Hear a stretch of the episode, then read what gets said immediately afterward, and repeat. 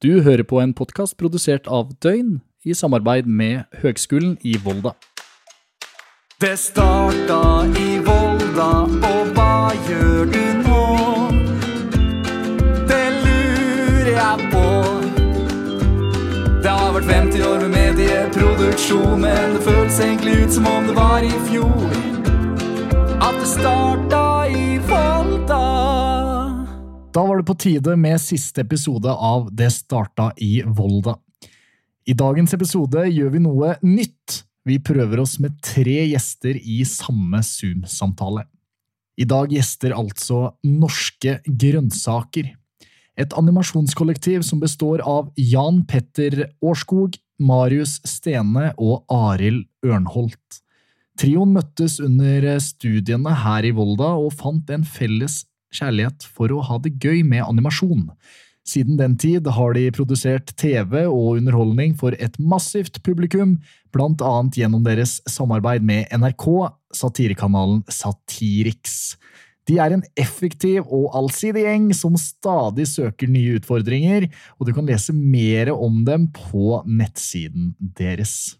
Hjertelig velkommen til eh, Norske grønnsaker og guttene bak dette hva skal vi kalle det? Animasjonskollektivet? Er det det du vil si, Ørnholt?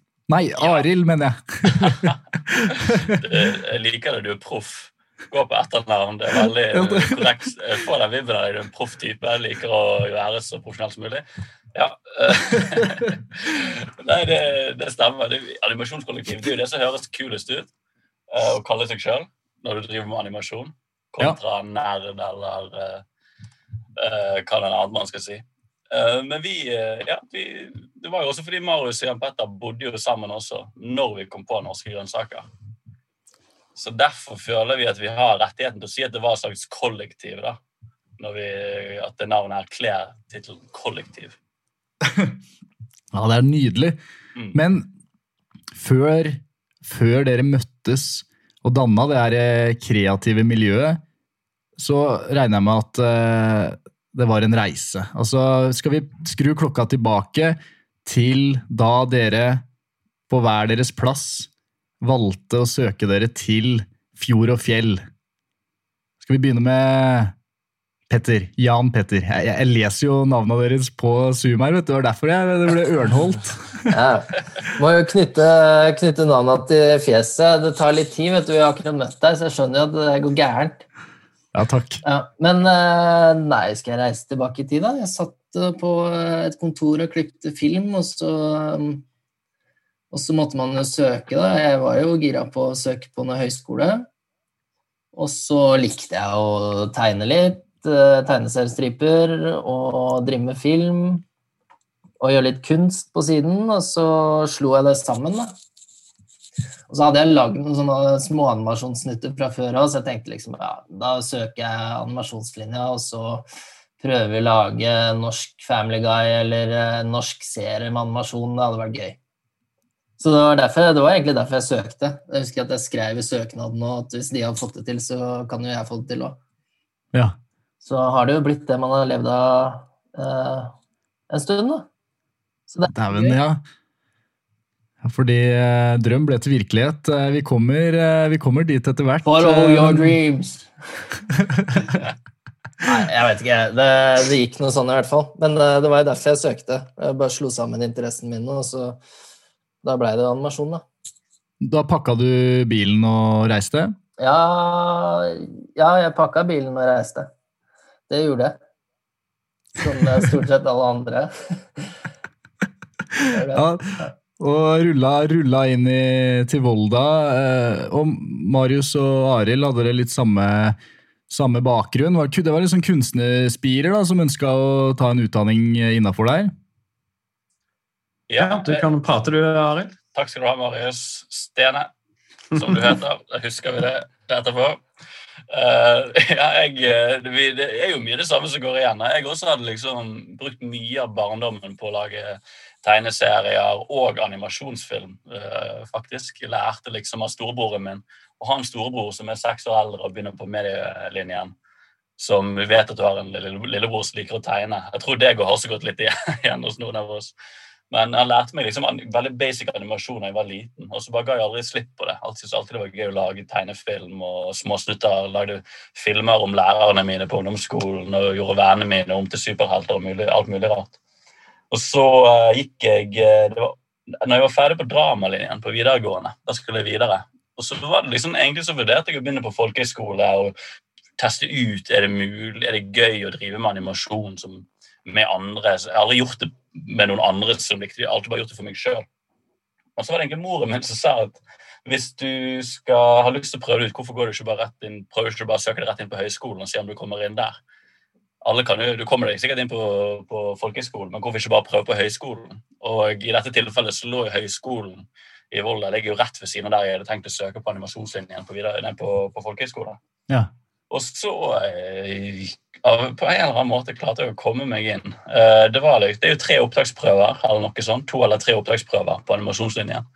Så det er jo ganske spennende. Jeg er født og oppvokst i Bergen, og så kommer jeg meg kommer jeg på en buss opp til Volda, og så er det liksom var der, Jeg var der i to døgn, eller noe sånt. Det var på opptaksprøve med noen Jeg husker ikke om Jeg lurer på om kanskje Jan Petter også var på samme runde som meg. Ah, jeg husker det. Ja, jeg husker det var noen av de de endte opp i klasse med jeg la merke til og småpreiket litt med der. Uh, og så kom jeg inn. Det, jeg tror de er gode i Volda på å se folk som ikke som har potensial, kanskje, som ikke er ferdig utlært, men som har lyst til å lære mer og har lyst til å gjøre noe mer enn det de allerede kan. Ja. Så det var det funket jo veldig bra. da. Jeg er veldig takknemlig for at jeg endte opp i det kullet. Hvis jeg hadde begynt et år seinere, hadde ikke jeg sittet her nå. Nei, Da hadde det blitt andre grønnsaker. Ja, det, Jeg vet ikke om det hadde blitt grønnsaker i det hele tatt. Jeg må skal være ærlig. Mm. det hadde blitt noe kjøtt eller noe? ja. Nei, Det er rart. De ja. eh, tilfeldighetene på en måte også, som spiller inn eh, at dere møtte hverandre. Marius, eh, hvor var det du befant deg i livet når du valgte Volda? Uh, ja, jo, jeg, jeg, er fra et lite sted på Jæren som heter Brusan, som er bitte lite bygd. Er det sant? Uh, ja. Jeg har vært der masse. På Brusan, eller på Jæren? Brusan, ja, Brusand, ja. Stranda der. Jeg er født i, født i Stavanger, og tante, ja, tante, tante, og onkel de lufter hunden på Brusan. Oh, great. Jeg, jeg, var sikker og lufta hunden på Brusan når jeg fikk ideen om å søke til Volda. Så det, ja. det er morsomt. Nei, men da, da, vet du nøyaktig hvor, eh, hvor jeg har vokst opp, da. Så ja. um, rett ved stranda der, egentlig. Uh, men egentlig litt det samme som Jan og Arild. Uh, drevet med tegneserier og, og, litt animasjon og sånn på fritida. Og så var jeg vel akkurat blitt arbeidsledig etter å ha vært uh, telefonselger et helt år for en helt forferdelig bedrift. ja. Så jeg var litt sånn gjerne, jeg var sånn gjerne, jeg var egentlig glad for å være arbeidsledig. for sånn, Når jeg er ute av det marerittet der. Og så visste jeg liksom ikke helt hva jeg skulle gjøre med meg sjøl. Og så var det egentlig ekstremt tilfeldig, fordi um, jeg hadde jo egentlig i utgangspunktet aldri hørt om Volda og animasjonsskoler og sånn. Um, men kanskje i løpet av det siste året så hadde jeg drevet en del og lagt ut tegneserier på et sted som heter nettserier.no, som var et sånn norsk tegneseriested. og Der var det en, sånn, en annen gjeng som drev med tegneserier som holdt til i Volda, som kalte seg for uh, Seriereire. Som var sånn, uh, ja, besto av masse forskjellige sånn gutter som hadde også møttes i Volda da, og lagde tegneserier sammen. Så jeg fulgte de, så det var den første gangen jeg hørte om Volda, var gjennom uh, de og stripene. For de tegnte mye om seg sjøl og, og, sine liv i Volda, da, så de refererte mye til det. Og sånn. Og så Uh, jo, og så var jeg veldig fan av uh, Lasse Gjertsen, som er kanskje Norges første sånn YouTuber og uh, YouTube-legende, på en måte. Ja. Han skjønte jeg også hadde gått i, litt i Volda og i Ørsta, så det var også sånn andre sted jeg hørte om det. Og Sammen med Arild så nevnte mor min også hun hadde sett et eller annet sånn greie om Volda på fjernsyn, så hun også bare plutselig begynte å prate om Volda. så det var sånn kanskje sånn tre ulike steder, da, så hadde jeg sånn, fått sånn vold da, i hodet. da. Jeg skjønner. Så når jeg plutselig ikke hadde jobb og ikke visste hva jeg skulle gjøre med livet mitt, så var det sånn, ja, men kanskje jeg skulle bare sende en søknad til Volda da, på animasjonslinja der. Og så gjorde jeg det. Og så øh, ja, kom igjen. Alle gutta kom inn. Ja. Ja, vi gjorde visst det. Forferdelig opptaksprøve. Hva er, hva, hva er opplegget med opptaksprøva? Det er for å få igjen de aller, aller beste. Men jeg vet ikke hvor- hvor, mange var det Hvor mange var det som ble sendt til opptaksprøven uh, versus hvor mange som kom inn? Var det sånn at 50% som kom inn, eller eh, noe Jeg sånt? husker, Hva er det tallet da, i forhold til søk? Det er hundrevis av søknader, og så er det 40 som kommer til opptaksprøve. Mm. Og så er det til slutt er det ti, da, så han er oppe i samme klasse. Ja. Dæven! Men jeg, jeg har jo hørt i ettertid at den, når vi var på opptaksprøve, så gikk det noen rykter om at uh, folk som gikk der, var jævlig ræva. Så jeg veit ikke hvor bra vi gjorde det på opptaksprøven, men uh, jeg tror de fleste av oss som har studert sammen, har, har klart seg godt i ettertid. Så vi, vi, ble en, vi ble en god gjeng, tror jeg.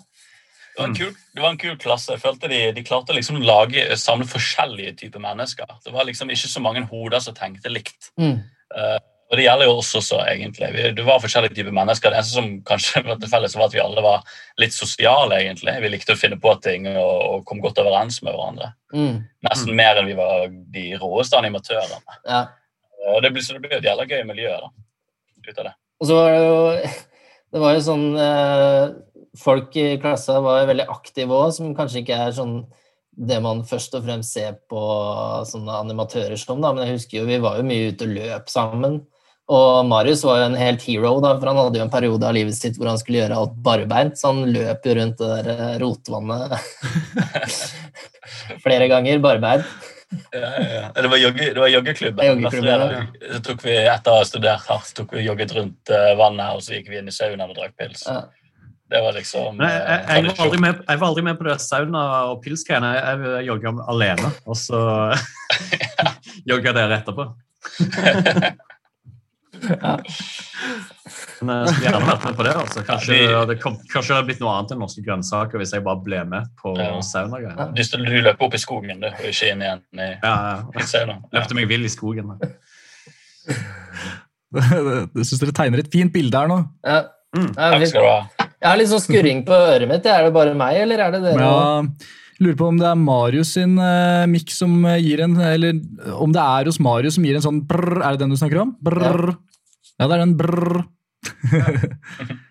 Hva vi skal uh, Hvis du bare prater litt, uh, Marius. Eh, nå prater jeg inn i en mikrofon som sier eh, brr, brr, brr, brr. Ja, nå, nå er han snill. Mm. Ja, okay. Kommer noen ganger, Marius.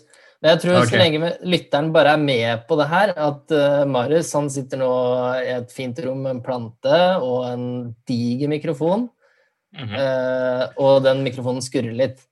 Så nå har vi gjort uh, lytteren oppmerksom, vet du. Da er det greit. Vi har malt et bilde. Ja, vi har malt et nytt bilde. da kan vi ha et spill gående, og det er hvor mange brr hører du i løpet av sendinga. Mm. Ja. Ja, det høres fint ut her, da, så jeg eh, koser meg. Da, hvis du svarer riktig, eh, og vi sjekker opp det ettertid, så kan du vinne en Norske Grønnsaker eh, lykkebamsekopp. Ja. Som er et helt nytt produkt som kommer ut om ikke så altfor lenge.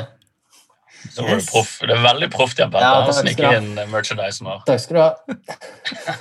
Vi er kun her for å markedsføre nye produkter som kommer på nettbutikken vår. Det er den eneste grunnen for at vi stilte opp. Vi, vi skjønner at du har en million faste lyttere i måneden, som vi nå kan ha ut til. Ja. Ja, altså Brukerundersøkelsen jeg har gjort, i hvert fall, eh, de, de har noen tall der oppe. Ja. ja, så bra. Ja, men det er derfor vi er her. vet du. Business. Men du, du er i Volda nå, Alan? Om jeg er i Volda, altså. Du er det? Det er Jeg deilig. Sitter, eh, sitter i Halvskjellsgate, rett nedafor Rocken. Det er frisørgata. Det er masse frisører, og så er det rett ovenfor ja. Gullsmeden. Du, kanskje du maler litt bilde av de forretningene som, som finnes i Volda nå? For jeg har mistanke om at veldig mye er forsvunnet av det som var der når vi gikk. Vi gikk der for kanskje ti år siden, eller noe sånt. Så det begynner jo å bli veldig lenge siden. Ja, Godt spørsmål. Jeg syns fortsatt det er mye rare butikker jeg går forbi. Ja. Eh, Så de har ikke lagt ned helt enda, tror jeg. Eh, Rett under oss. Vi bor oppå en sånn sunnkostbutikk. Veldig praktisk. ja. Mm. Ja da, den, den er fin, med mye god te. Um, og så er det Det er egentlig bare frisørsalonger. Altså, klippa dere dere hos Heidis? Nei, det, nei, ikke Heidis. Heidis er et annet konsept. Dere klippa dere hos Hildes. Hildes. Nei, det gjorde jeg ikke. Jeg klippet meg hos en sånn gammel mann. Gammel, tykk mann. Klippet håret mitt i Volda. Så uh, Isla sa veldig lite til meg og bare klippet det. Uh, og så fikk jeg den frisyren som han ga meg. det, var, det var konseptet hans, da. det var liksom hans frisørkonsept. jeg klippte meg ikke i det hele tatt. Jeg tror jeg er på tre år, faktisk. Ok, litt en annen tilnærming til Ja. livet i Volda. Ja, jeg hadde, hadde en periode der med langt hår. Men det er viktig å gjøre ting før det detter av, vet du. Ja. Eh, tenker jeg at det er et slags mantra at man må jo teste ut eh, noe én gang før det er for seint. Ja. Og det gjør du det gjerne i Volda. Ja, ja, ja. Konseptet Ja, å klippe, klippe seg. Apropos det, jeg husker du har sagt det før, Jan, at eh, ja, sånn, man lever bare én gang. Hvorfor ikke være rockestjerne Ja. et lite øyeblikk av livet ditt? Mm, Og der var jo Jan Petter når du bodde i Volda. det er sant. ja. Det var jævla gøy, altså. Jeg, jeg tror jeg har vært på to konserter og sett uh, gamle bandet til Jan Petter Mm. eh, på Rockeren der på det studenthuset. Det var ganske fett. Kan du snakke litt om det, Jan? Ja, dæven, så spennende! Ja, ja, er du gæren?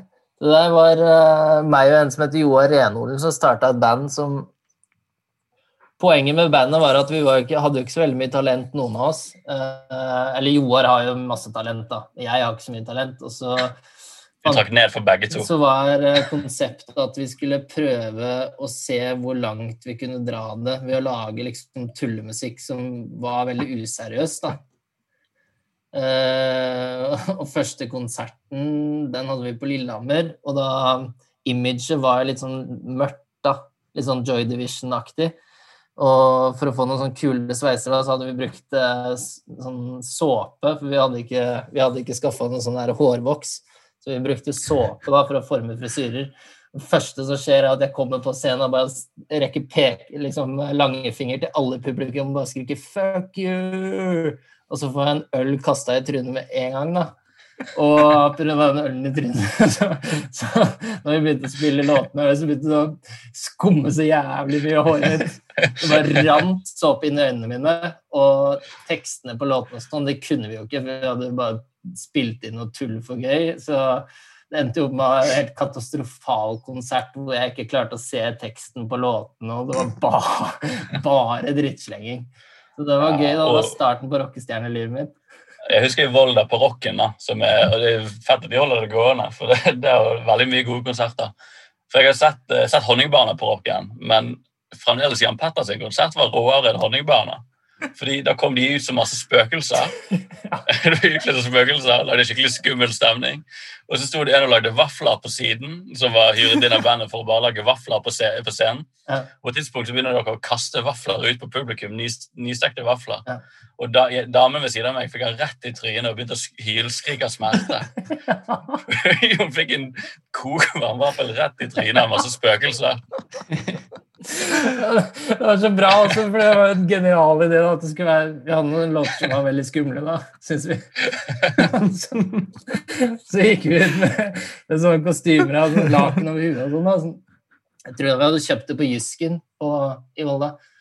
Og så var jo greia at vi hadde bare klippa høl, men vi hadde ikke testa det ut. Så var det ingen av oss som så en dritt da, da ellers. er det kanskje en sånn gjentagende ting.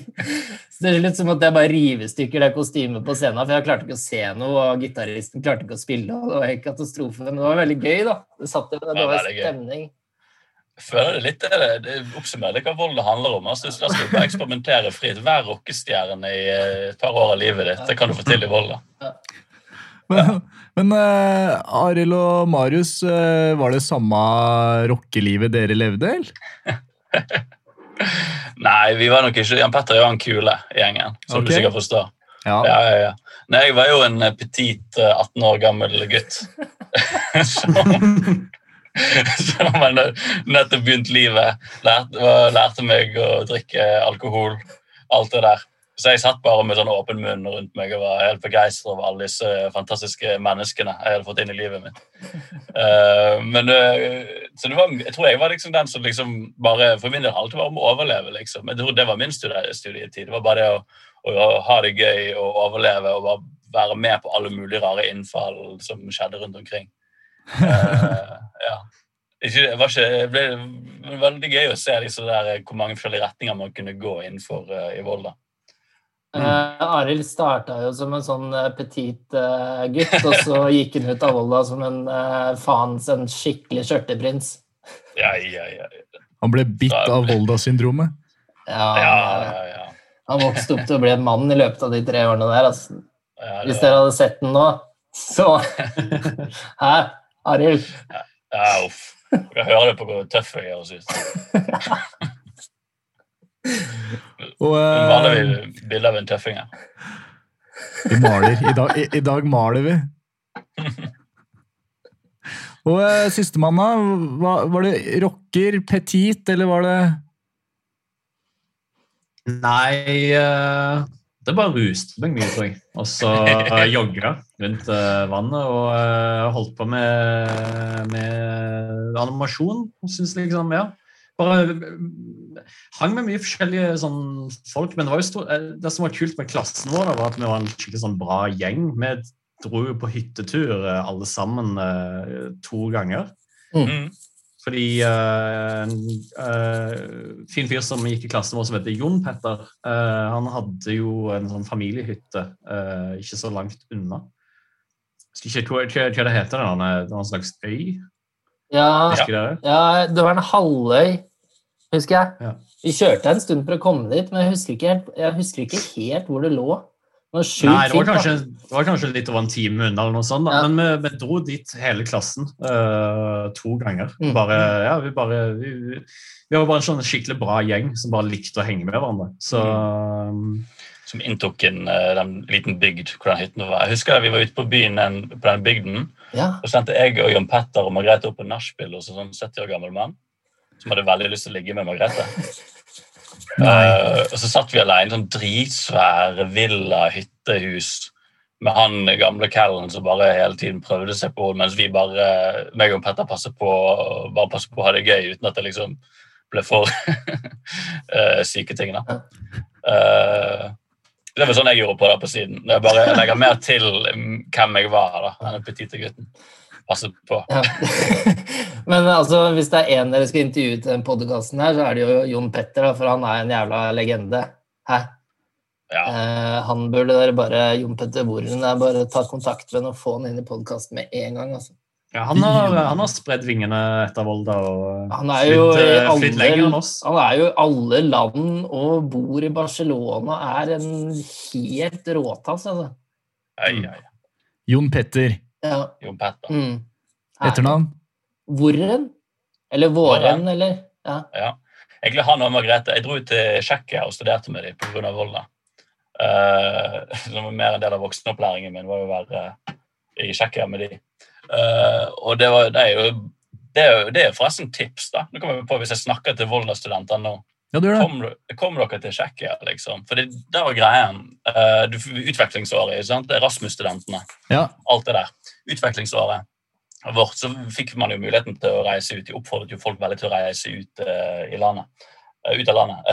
Og så snakket vi med hun på Erasmus-kontoret, og så var vi, meg og Jon Petter og Margrethe var veldig åpne. bare sa vi har bare lyst til å reise ut i verden. Vi har egentlig ikke noen preferanser på hva vi har lyst til å lære eller studere, men vi har bare lyst til å komme oss av gårde. Og så sa hun dere bør reise til Tsjekkia, fordi at vi får inn haugevis med studenter fra Tsjekkia til Volda, men vi har aldri sendt noen Volda-studenter til Tsjekkia.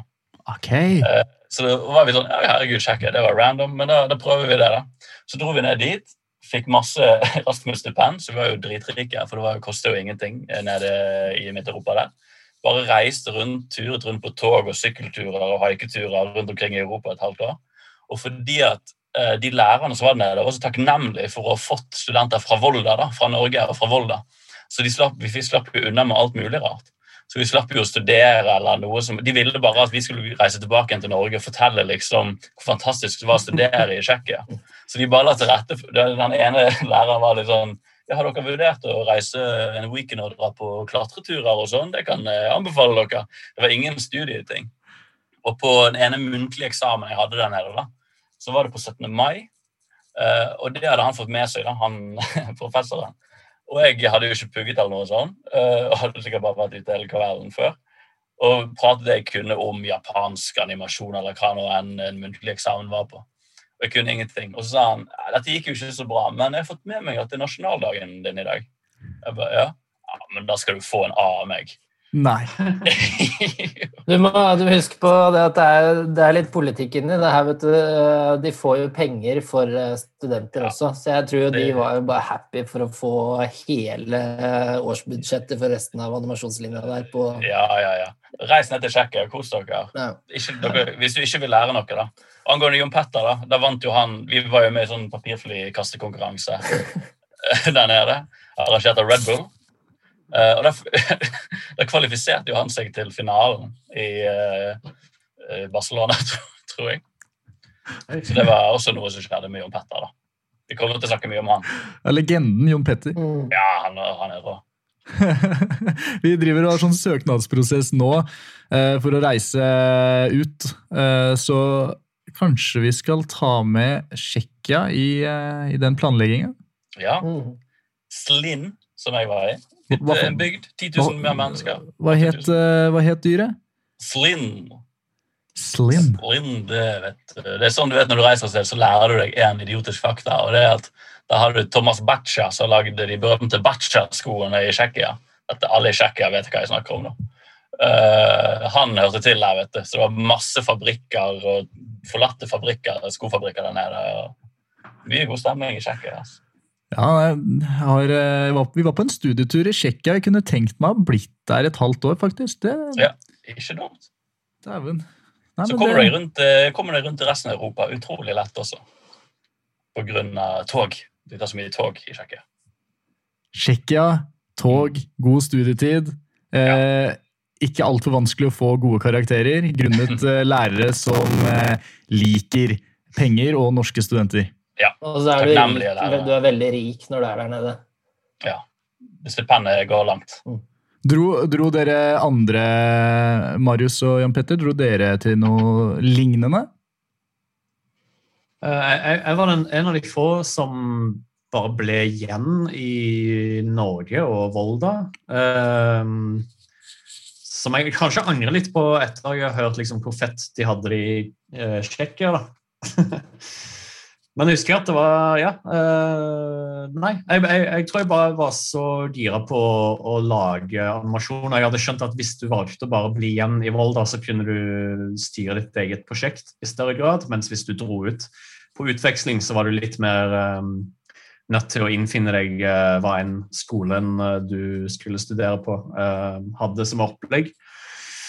Så nei, jeg var bare kjedelig og bare ble igjen. Bare sånn, jeg bare gjør min egen greie. Og så fikk jeg høre alle de kule, morsomme historiene fra de som hadde dratt ut etterpå. Men, men du kom jo til Tsjekkia. Vi dro ut til Auschwitz sammen. Ja, nei, men det var fordi jeg hadde jo kjæreste som var polsk, så jeg var jo besøkte hun mye på Polen. Og da var jo jeg tilfeldigvis i Polen mens dere var i Tsjekkia. Og så sykla dere Til Auschwitz? sånn Auschwitz? syk- Du sykla til Auschwitz? vi, gjorde, vi, gjorde, vi gjorde det. Vi syklet fra Tsjekkia til, ja, til Auschwitz. Ja, vi sykla til vi, vi, vi stakk til Auschwitz av fri vilje. Vi hadde bare lyst til å sjekke ut, sjekke ut det. Det var jo, det var jo en helt syk opplevelse. Men det hadde veldig lite med animasjon animasjonslinjer og Volda å gjøre. Det var bare tilfeldig. Men jeg vedder på alle du snakker med på denne podkasten, ender opp med å snakke om Auschwitz på et eller annet tidspunkt. Mm, det tror jeg. Ja. Jeg anbefaler alle å dra til Auschwitz. Det er kjempe, kjempetur. Mm. Gjør det med noen du er glad i. Får du perspektiv. Mm. Nei, men det var stille- det er det ikke noe antisemittisme her, altså, men eh, nei, det er jo grusomt det stedet der. Herregud. Ja, det, det var en veldig stille togtur uh, tilbake igjen til uh, Krakow. Ja, det tror jeg på.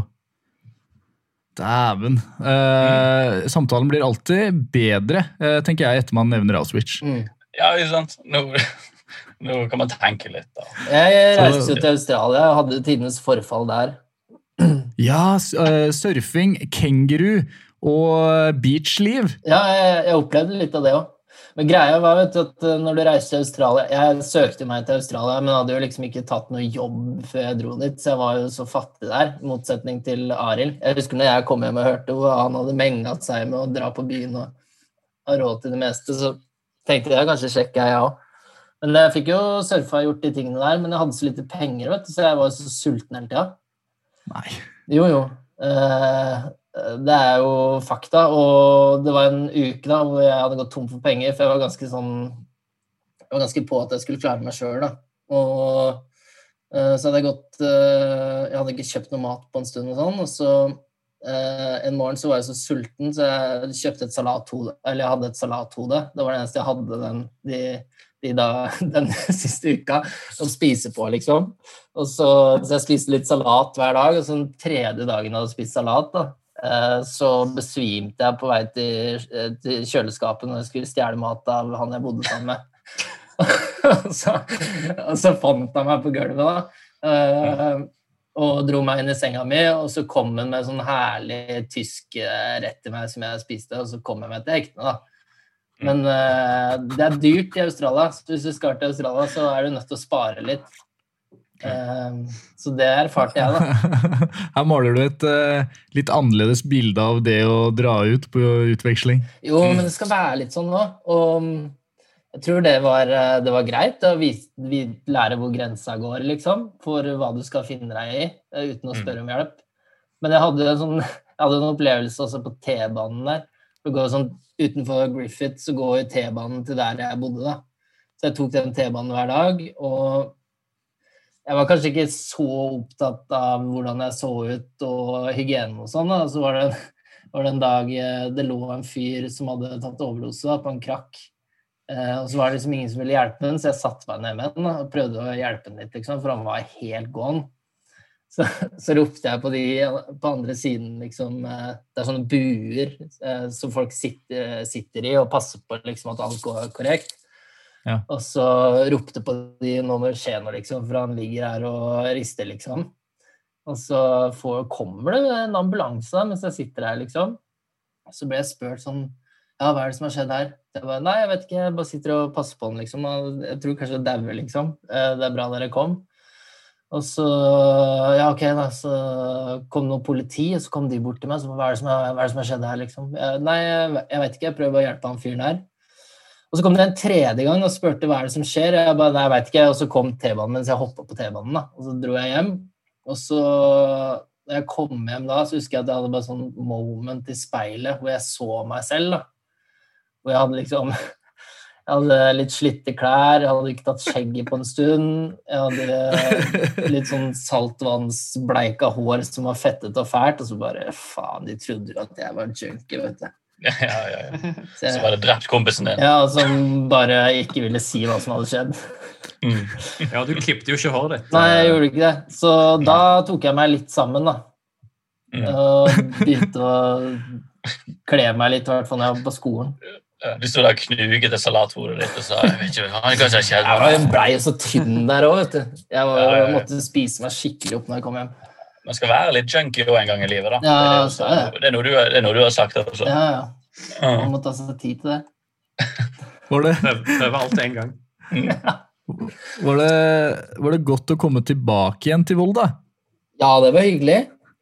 Det var jo, når vi kom tilbake, var jo da på en måte vi starta siste året, hvor vi Da begynte vi å kjenne hverandre litt bedre, og, og jeg husker jo veldig godt at uh, jeg og Arild og Marius hadde jo sett hele liksom, studietida at vi vi er ganske ulike eh, personer, men med veldig lik humor, og syns veldig mye av det samme er morsomt. Og litt sånn Det er veldig likt i timingen, og ting skal være gøy, og hvordan det skal bli gøy. Så det var jo veldig naturlig at vi skulle jobbe sammen. Da.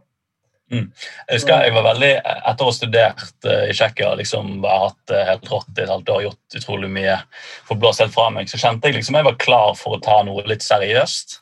Og da var det jo ganske god timing at siste året i Volda på animasjonslinjen så skal du lage bachelorprosjektet ditt. Du skal bruke hele året på å lage én film. Ja. Og det er noe som hypes litt opp helt fra du begynner der. for at du, Det er nesten noe du begynner å tenke på med en gang du begynner i Volda som animasjonsstudent. er at Tredjeåret da skal du lage liksom den store filmen din. Eh, og det kjente jeg da kjente jeg hadde fokuset klar liksom, etter å ha fått litt uh, blåst løs. Men det som var kult, det var jo også Jan Petter som hadde vært veldig på ballen. Og så begynte liksom å snakke om at vi burde finne på noe sammen. Vi burde samarbeide. For det er kanskje et problem da for animasjonsstudentene, iallfall når vi gikk der, var at det ble mye som folk som tenkte de skulle lage sine egne ting. De, de ville ikke samarbeide med hverandre. Det var ikke det at man skulle invitere andre på sine ideer. Det var at nå skal jeg gjøre noe for meg sjøl, jeg skal få min visjon. Eh, jeg liksom Oscar-statuetten, den skal jeg få, på en måte. Eh, og det endte jo også opp med at veldig mange studenter gikk flere år da, for å bli ferdig med bachelorprosjektet sitt. De gikk eh, ett år ekstra, to år ekstra, til og med tre år ekstra i noen tilfeller. Oi. Og jobbet med én film som de bare ble helt obsess med å gjøre ferdig.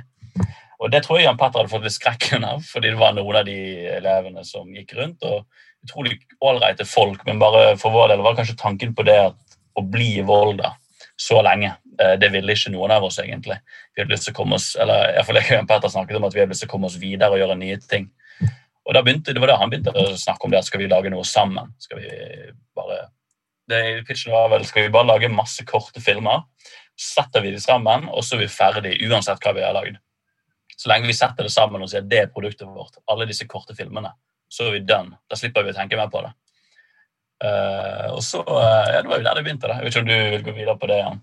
Nei, og så var jo litt av greia at vi var jo litt opptatt av at det skulle være gøy også, da. Og når du driver med animasjon, og jeg så folk som satt med liksom scener som ikke hadde noe sånn særlig med historien å gjøre, eller fortellingen å gjøre, det var bare at karakteren skulle komme seg fra A til B, liksom.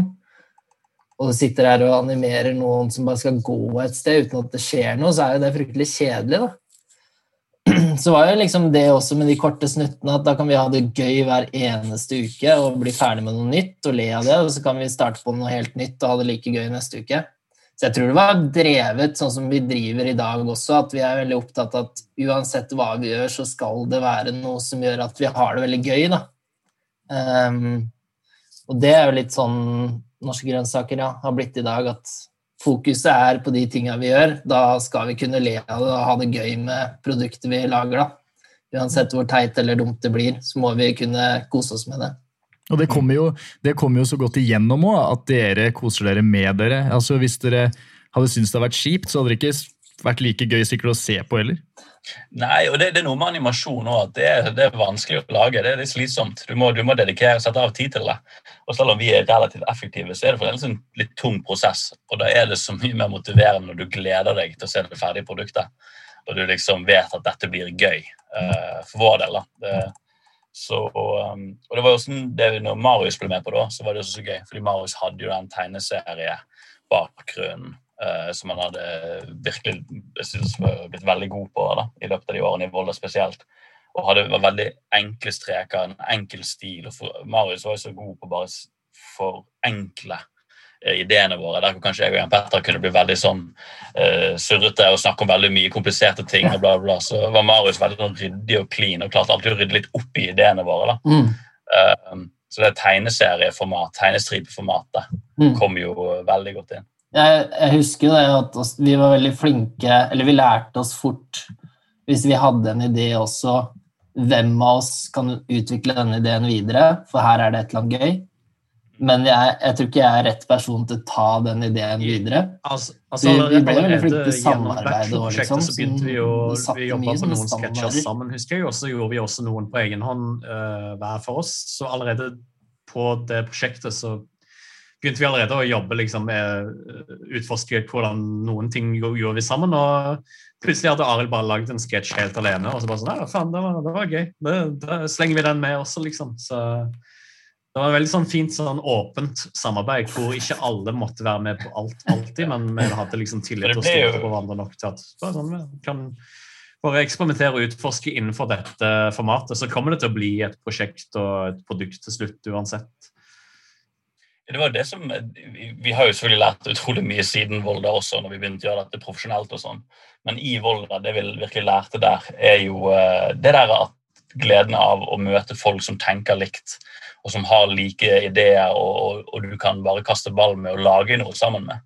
Hvor verdifullt det var, da, og plutselig hvor gøy det var. Og så var det plutselig, når vi innså at oi, dette her kan vi jo lage mer av, dette kan vi, dette føler vi at vi må, må gi ut. Fordi plutselig hadde vi lagd det, 14 minutter i kvarter med innhold. Så vi ble om til to episoder. da. Og så vi, På et tidspunkt skjønte vi liksom at okay, nå har vi kommet over bare et format som ingen andre gjør i Norge, og som ingen andre lager. Skal vi prøve å være de første som lager dette? Eh, så det var vel rundt halvveis i løpet, eller eh, så begynte vi å tenke at dette skal vi faktisk eh, prøve å gi ut når vi er ferdig med det. Som vi da gjorde. Fortsatte, vi fortsatte videre det vi hadde bygget på i Volda når vi var ferdig. Og det resulterte i fast eh, jobb. Var det NRK som eh, kom inn og headhunta dere rett etter eh, innlevert eksamensoppgave? Om det bare var sånn det funket. De sitter, du vet, folk sitter og er så sultne på animasjon, kaster seg over nyutdannede animasjonsstudenter. Dette er ironi fra min side, som et humoristisk virkemiddel. Nei, det som var tilfellet, var at vi vi hadde lagd dette her, eh, produktet, to episoder, eh, en sketsjeserie som vi kalte for Norske grønnsaker. Så begynte vi å sende den rundt på festivaler og sånn. Eh, og dro litt rundt på Grimstad Kortfilmfestival, Festival, Fredrikstad Animation Film Festival, og viste det. Og Da fikk vi minglet med litt folk, vi fikk god feedback, vi fikk høre at det vi lagde funket i en sal. Også i Volda fikk vi vist det på kinoer der, og fikk høre liksom at dette funker. Og så um, I tiden etterpå så gikk vi jo litt hver for vårt. da, Jobbet, flyttet hjem igjen og litt sånne type ting. Men vi var veldig på at vi skal fortsette å lage sketsjer. Så da begynte vi en Facebook-kanal og en YouTube-kanal. Hver uke fortsetter samme løpet. Hver uke skal det komme ut en ny sketsj. Dette skal bare lages og produseres. vi, Uansett om skal bare, vi skal få det ut. Og det vokste. og Både med disse festivalene og det vi så, reaksjonen vi fikk på internett, så så vi at dette, det funker, noe her funker. Og da begynte vi å sende mails til forskjellige produksjonsselskap. og Da var vi innom et par steder, og det er jo en tøff bransje. Det er jo folk som har lyst til å høre på ideen din, og så ikke la deg gjennomføre ideen din, f.eks. Eh, de vil bare lytte litt til hva unge folk er- har på gang. Og NRK var liksom den siste mailen vi sendte som vi kanskje trodde vi kom til å sende. Eh, For det var jo ingen som tok oss seriøst. Det var ingen som hadde lyst til å satse på animasjon. Vi hadde, var, vi hadde vel sendt til eh, alle vi kom på før NRK. NRK var vel kanskje den siste liksom, ok, eh, Av en eller annen grunn så var vi litt sånn på bakbeina på NRK. Vi, vi tenkte ikke at de de var ikke så kjente for å satse veldig på animasjon, og sånn, så jeg tror vi bare liksom hadde nedprioritert de litt. og bare sånn, ja, kommer sikkert til å bli NRK. Men- fordi de, vi tenkte de ikke var, var så gode på nett. De hadde ikke noe sånn Vi tenkte VG, TV 2 altså Folk som var flinke til å publisere ting på nettet. da. Og NRK vi følte de var litt gammeldagse på sånt. og ikke, Vi hadde lyst til å legge ting ut uh, online. Jeg tror, jeg tror VG, VG hadde hatt Fantomas, så derfor var veldig sånn VG må jo være riktig sted for Mm. dette her også, da. Men uh... Men så til slutt var det NRK, og da var vi sånn, da hadde vi jo blitt vi hadde prøvd i litt over et år da, å pitche dette inn til folk og selge det inn. Og da lagde vi bare den perfekte mailen så vi liksom, basert på alt vi kun hadde lært oss. Prøvde å formulere den perfekte mailen. Vi fikk en positiv respons som var ok, interessant. Dette skal vi catche opp igjen med dere på senere. Så gikk det en uke eller noe sånt, og vi fikk ikke noe svar. eller noen dager, jeg husker ikke. Og så lagde, lagde vi en sketsj til hun som hadde svar på mailen som var hvor vi snakket direkte til hun, en liten søt fugl som eh, snakket direkte til hun og sa Uh, Har du fått eh, tenkt litt på det nå, skal du svare på mailen? Hæ? Hadde det hadde vært hyggelig hvis du svarte for meg. de, de, de, de skrev til oss først at de skulle tygge på det, Mm. så vi fikk en liten animert fugl til å spørre de direkte har, har du tygget på det? Tygget? du tygget på det nå, hæ? Nam, nam, nam». Og da fikk vi svar med en gang. Og da sa de ok, dere må komme innom. og Vi må, vi må, snakke med dere. Dette må vi finne ut.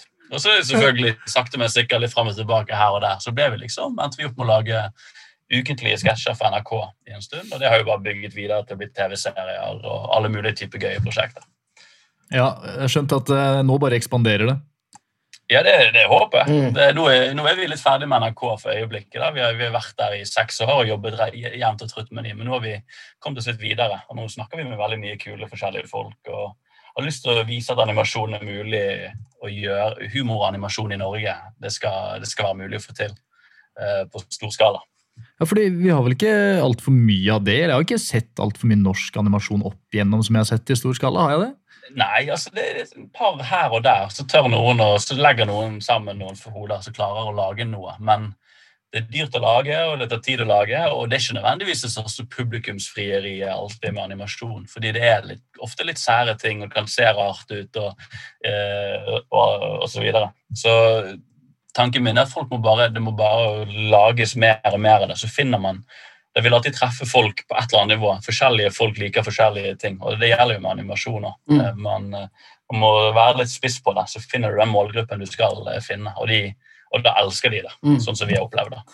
Når du først treffer folk rett i hjertet, så det, det er egentlig viktigere enn å treffe Mm. folk litt. Så. Men jeg tror altså det, er, det er ikke lenge før man begynner å se mer av det både i TV, norsk TV og streaming-sider, tror jeg, som er norskprodusert. Så det kommer nok eh, spennende ting framover, altså.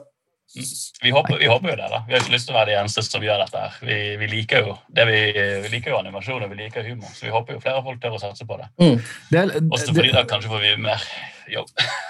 ja, klart det. Og det, det jeg lurer litt på, den derre balansen når det gjelder eh, humor. Dere sa at dere hadde lik eh, humor, lik timing, hele pakka. Eh, det må være vanskelig, den derre balansen. Hva er gøy? Hva er for drøyt? Jeg ser for meg at eh, dere kanskje har møtt på mye ikke nødvendigvis eh, problemer, kanskje, men med at ting blir dratt for langt. Eh, Hvordan eh, stiller dere dere til alt det der? Mm. Tror Det det, er jo, eh, ja. ja, For min del så handler det bare om samvittigheten din til slutt, da. Uh, og jeg tenker jo at vi er uh, tre karer som tenker gjennom ting, som eh, har meninger om ting, og som egentlig står ganske likt i forhold til hva som er å pushe det for langt. Og så, så er det bare å holde seg på det man selv kan stå for, tror jeg, inn den. da. interessant. altså Det handler jo, det er veldig mye humor å lages i et vakuum. Og det tror jeg mange kjenner seg igjen i, at ofte når du er på ditt morsomste du med få folk som du kjenner godt, så skjer det noe i sånne tette rom eh, hvor man har det veldig veldig gøy. Og Det er ofte det som vi også har gjort mye av når vi jobbet i NRK. er At vi har presentert ideene våre for andre eh, over nettet og lukkede grupper og sånn. alt det der, Hvor vi presenterer ideene våre. Uh, fordi at vi kan jo sitte i et rom og synes det er kjempegøy. Og det er som oftest det vi vil. at vi, Når vi koser oss, er det bra. Men fordi vi også har lagd mye satire, så har vi også liksom uh, tenkt at det, det skal være et budskap i bunnen. Ting, vi, vi skal si noe her. Vi skal ikke bare vise masse rare ting, vi skal også si noe. Eh, og da har vi også lært det at hvis du, du viser til folk og får feedback og tørre å høre at det var ikke morsomt eller jeg forsto ikke poenget, det har vi hørt veldig mye opp igjennom. da. Eh, og da tar vi det til oss, og så da tweaker vi på ideen og tilpasser det. Tar vare på det vi syns er gøy, og så fikser vi på det som ikke funker. Eh, og det som også resulterer i at vi lager mye variert humor som treffer folk på veldig forskjellige steder. Og jeg tror det er ingen som ler av alt vi har lagd, fordi det er, vi lager veldig mye forskjellig humor. Men jeg tror alle på et eller annet tidspunkt kan ha ledd av noe, fordi vi er skutt i mange forskjellige retninger og vi liker å prøve forskjellige typer ting. Eh, men det viktigste for oss i forhold til det med om ting går for langt eller ikke, er om vi kan stå inne for poenget i sketsjen. Om det er noe vi mener. Mm. Eh, og selve poenget i bunnen er noe sant for oss, så er jo det good. Og så til syvende og sist kan man heller ikke gjøre så mye med hvordan folk reagerer på en sketsj, for det er deres personlige eh, vurdering og reaksjon. Eh, folk har jo meninger om alt. Så det er til syvende og sist, som Jan Petter sier, vi, vi må jo bare stå for det vi sjøl står for. Og så må vi tåle vi tåler jo veldig godt at folk ikke syns vi er morsomme. Det det er en grei ting å være bevisst på når du jobber med humor, at det er ikke alle som syns du er morsom, og det går helt fint. Det, det går greit å høre. Jeg er herregud, Folk i familien min sier det til meg rett i trynet. så det, det er jo greit. Eller det er så deilig å ha hatt det skikkelig gøy med det du har lagd uansett, uavhengig. Ja, fordi jeg, jeg vet jeg og to andre syns dette var veldig gøy. Ja. Så da er gøy. Da, da, liksom- da er det nok uh, Vårt indre sånn kompass er alltid sånn så lenge vi syns det er gøy, så vil det være noen andre der ute som også uh, koser seg med det. Men det viktigste er alltid at vi koser oss og har det gøy med det vi lager. og eh, så lenge intensjonen vår er alltid at folk bare skal le. Selv, selv når vi har drevet med satire og hatt litt sånn budskap og sånn i sketsjene, så er det liksom humoren, at det er morsomt, er liksom alltid førsteprioritet. Vi, vi, ikke, vi driver ikke med animasjon for å liksom forandre folk sine meninger om politiske ting eller uh, liksom å komme med noen banebrytende nye ideer. Det, det er å underholde. Det er å bare det, lage ting som er morsomt. Da. Og så lenge det er intensjon, så, så, så er det, da, da har jeg ren samvittighet. fordi da er det alltid en veldig uskyldig ting. Det er bare, du, dette skal bare være morsomt og, og gøy. Ja, men det, det var oppklarende. Så bra. Altså, det var tøft. Eh, skal vi, siden jeg klipper, eh, siden jeg klipper denne podkasten i etterkant, så kan, man, eh, så kan vi ta litt forskjellige stikk. Så jeg tenkte det hadde vært gøy å høre med dere, så vi får litt den der starten når dere møttes første gangen. Eh, hvordan dere så på hverandre. For det er alltid gøy sånn når eh, for eksempel eh, du, Arild, så Jan Petter for første gangen, og du tenkte rockegutt, eller eh, Dere Ja. så Marius barbeint rundt Rotevatnet, eller ikke sant? Men nå kan jeg ta en uh, kjapp to minutters pause, eller ett minutts pause her, for jeg må finne ut av den barnehagehentinga. Uh, om jeg skal bli med videre eller ikke. Du gjør det, men eh, vi kan godt ta Skal vi fortsette, vi andre, eller skal vi Ja, bare ta bare fortsett. Snakk om uh, noen barnehagegreier. Det er, nei, det er greit, det. Jeg, jeg, jeg, kan, jeg kan også bare Jeg kan kan hoppe- kan hoppe inn og si et eller annet om Marius og Arild. Ja. Jeg, jeg kan også bru- bruke muligheten til å si at uh, Mac-en min er på 40% og jeg har ikke lader, men uh, det, jeg tror vi klarer oss. Kan ikke vi Dette er Dette sakte her synkende skip. Ja, men jeg, jeg liker det. Det blir litt mer um, spenning i podkasten nå. Ja. 38, 38% På et tidspunkt så trodde jeg du hadde forsvunnet, Marius. For jeg har ikke, jeg har ikke thumbnailsen oppe. Nei, nei, jeg henger rundt deg. Bra. Uh, nei, uh, ja, når vi møttes Jeg husker Jeg tror min, mitt første sånn når jeg satt og så liksom når, Vi hadde jo sånn sånn halvklein sånn sirkel i klassen. Så jeg husker at uh, jeg, tror jeg tror det var første gangen jeg så Arild uh, når vi satt i den sirkelen. Så tenkte jeg wow, han var petit og ung. Han der kan jeg fucke opp. Ja. Nei, eh, nei, jeg husker ikke Jeg har ikke så mange sånn klare minner av liksom hvordan alle var i begynnelsen. Men det var mer bare sånn å bli kjent med Jeg tror, jeg tror vi lærte veldig mye om hverandre gjennom de små sånn, animasjonsoppgavene vi gjorde. Fordi det var alltid litt sånn eh, tilrettelagt for at man skulle gjøre masse små oppgaver og så vise det foran hele klassen. Og eh, ja, så jeg, så jeg tror liksom det var, det var en, kanskje en grunn til at vi ble litt sånn uh, kjent med hverandre også, var at vi ofte så at vi alle lagde humoristiske ting, med tegn og humoristiske typer figurer og, og sånn. Så nei, jeg tror bare mitt, eh, mitt første inntrykk med, med både Arild og Jan var at hey, de her liker å kødde litt og ha litt sånn tegne morsomme karakterer og figurer. og sånn. Men det var en sånn sakte, det tok litt tid å bli sånn kjent med dem. Det var ikke sånn, eh, det det var ikke et sånn stort øyeblikk uh, hvor vi bare sånn ah, vi skal være Vi skal jobbe sammen. Vi skal være venner. Sel selv om jeg var veldig tidlig ute i fadderuka på fylla med Jan, og Jan så, så meg i øynene og sa vi to skal bli venner. Uh, så det, det skjedde jo også, da. Men, uh, men det var ikke gitt at det var sånn med alle. Jeg tror, jeg tror det var, vi, vi var veldig fulle, og vi skulle bryte oss inn på rocken, for vi hadde ikke kjøpt uh, Jeg husker jo, det husker jeg ganske godt, fordi vi um vi gikk på Skjellen eller et eller annet som ligger i den bensinstasjonen rett ovenfor. Ja. Og så var det en vi kjente der som hadde et pass, og så bare tok vi lånte en kulepenn og tegna liksom stempelet som det så ut. Og så helte vi litt øl på det og bare gnei litt på det, så så det bare ut som et stempel som var liksom litt slitt. Og så hoppa vi over gjerdet inn til rocken etter det. Ja. Ja, jeg husker det der. Da var vi på en måte venner, da. Ja, da var vi venner. Som dere være. Ja. Jeg kan ikke huske, liksom, for jeg kan huske Jan Petter, du var tøffing, Trine, skate, rockegutten. Uh, Shack, vakker mann. Han kom uh, kul. Uh, så bra ut naken. Rockestjerne. Uh, ja, ja, sånn rockestjerne. Alle jentene dåner. ja, var, det, var jeg så heldig? Ja, ja, ja. ja, ja. Og så uh, var det Marius. Rar. Nei, rar. Uh, Inni skogen. Mm. Du tok uh, ryste seg. Lagde tegneserier.